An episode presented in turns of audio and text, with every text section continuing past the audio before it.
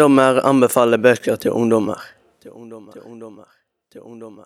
Jeg anbefaler bokserien Gone. Det handler om at en kuppel kommer over en by, og så forsvinner alle som er 15 år eller eldre.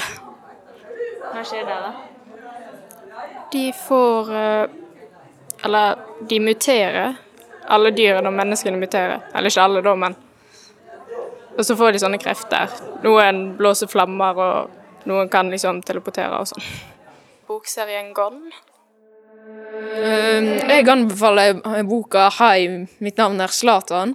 Den eh, handler om eh, en fotballspiller som heter Zlatan Ibrahimovic, som eh, hadde en vanskelig barndom, men klarte å gjøre det veldig bra i livet med å bli en profesjonell fotballspiller og tjente masse penger om oppturene og nedturene han hadde i karrieren sin, og videre. Hei, mitt navn er Zlatan. Jeg vil anbefale boka 'Øya' til andre folk der ute, fordi det handler om tre øyer, tre venner, som akkurat har kommet seg ut fra et barnehjem, og de er på flukt fra eh, militæret eller, og Forsvaret.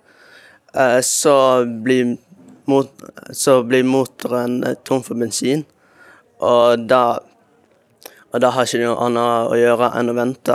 Eh, og når de venter, eh, så sulter de, de vet ikke hva de skal gjøre videre, eh, og sånn.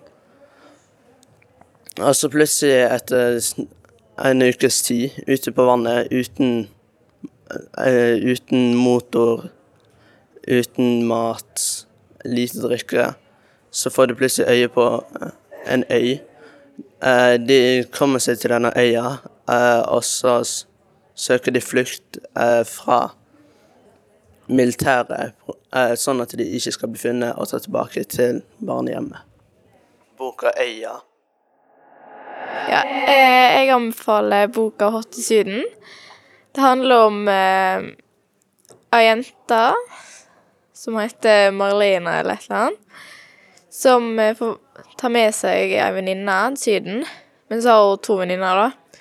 Så da trekker de om hvem som skal bli med. Ja, Så reiser de til Syden, og så møter de jo andre jenter. For hun reiste visst med onkelen sin.